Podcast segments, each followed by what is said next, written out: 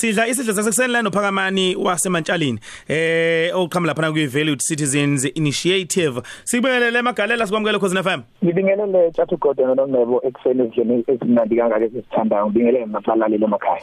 Mm ninohlelo enilibiza ngesondela. Awusichazele kabanzi ngalo mfowethu. Kunjalo Tjathu Gordon sinohlelo oluhle lapha yaba Valued Citizens Initiative olubizwa ngesondela program. Lesondela yethu sisuke sikhuluma kabanzi ngakuma dialogue la khona sisuke sisebenzisa abasha kwabafundi kuphinde kube youth esuke ikhona emphakathini. Sizama ukubonisana ngeenkinga ezikhona sifundisa ukuthi inkinga ezikhona nezingxaki zilungiswa ngokuthi kukhulunywe hayi ngokuthi sibone kulinyazwa impahla nezingqalazinda esinazo ezweni lakithi.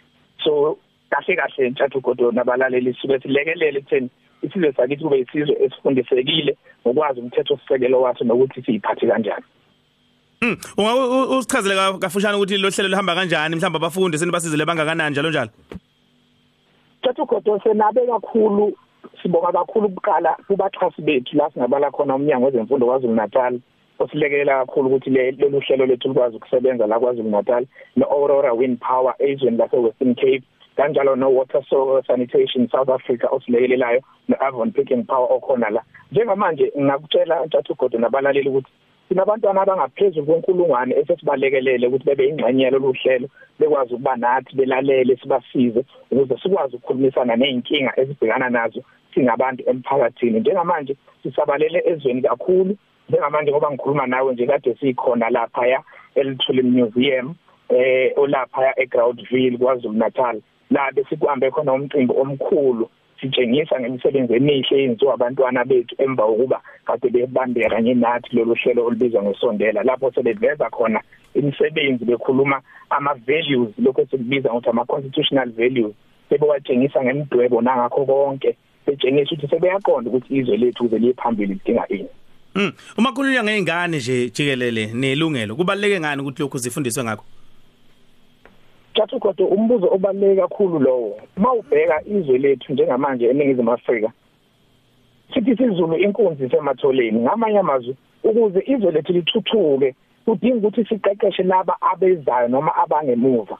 Bazokhumbula abalaleli Jathu kodwa ukuthi la eSouth Africa sine National Development Plan eVision 2020 2030 okuyiyona esibheke kuyo phambili sonke njengezakhamuzi ukuthi emva kweminyaka ewu20 mase sewunyaka 2030 silindele ukuthi sibe yizwe elinjani. Sinezinto ke esizibekele zona phambili ezimgomo esifisa ukuthi ngempela ngempela uma kuhamba kahle sibone izwe lethu lifinyelela khona. Abanye abantu abangenza lokho ukuthi ngempela kuye phambili.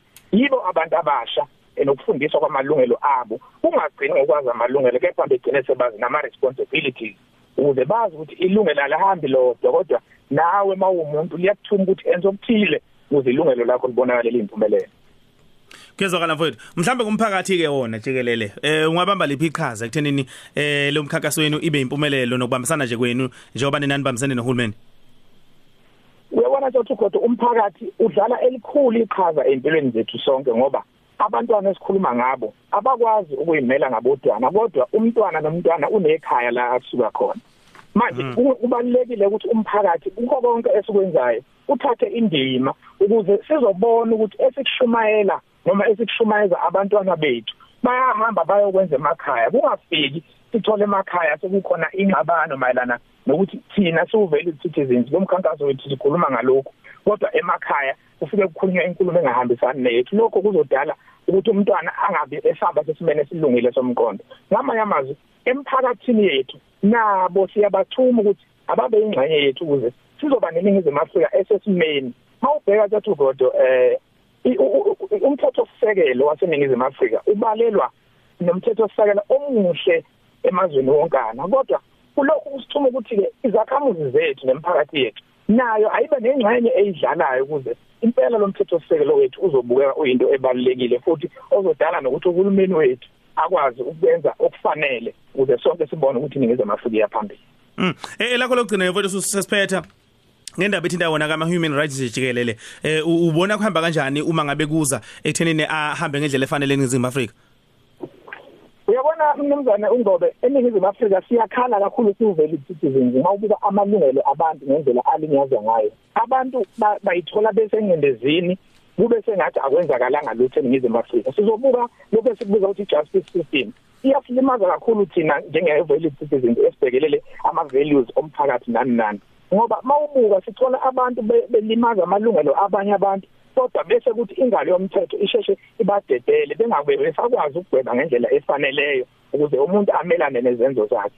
Ngamanye amazwi siyi-valid citizens initiative sibona kungekuhle kahle ngendlela okwenzeka ngayo. Siphinde futhi sikhale ngendlela uhulumeni wethu asilekelela ngayo ekutheni le vision esiya kuyo ka 2030 yenzeke ngendlela efanele.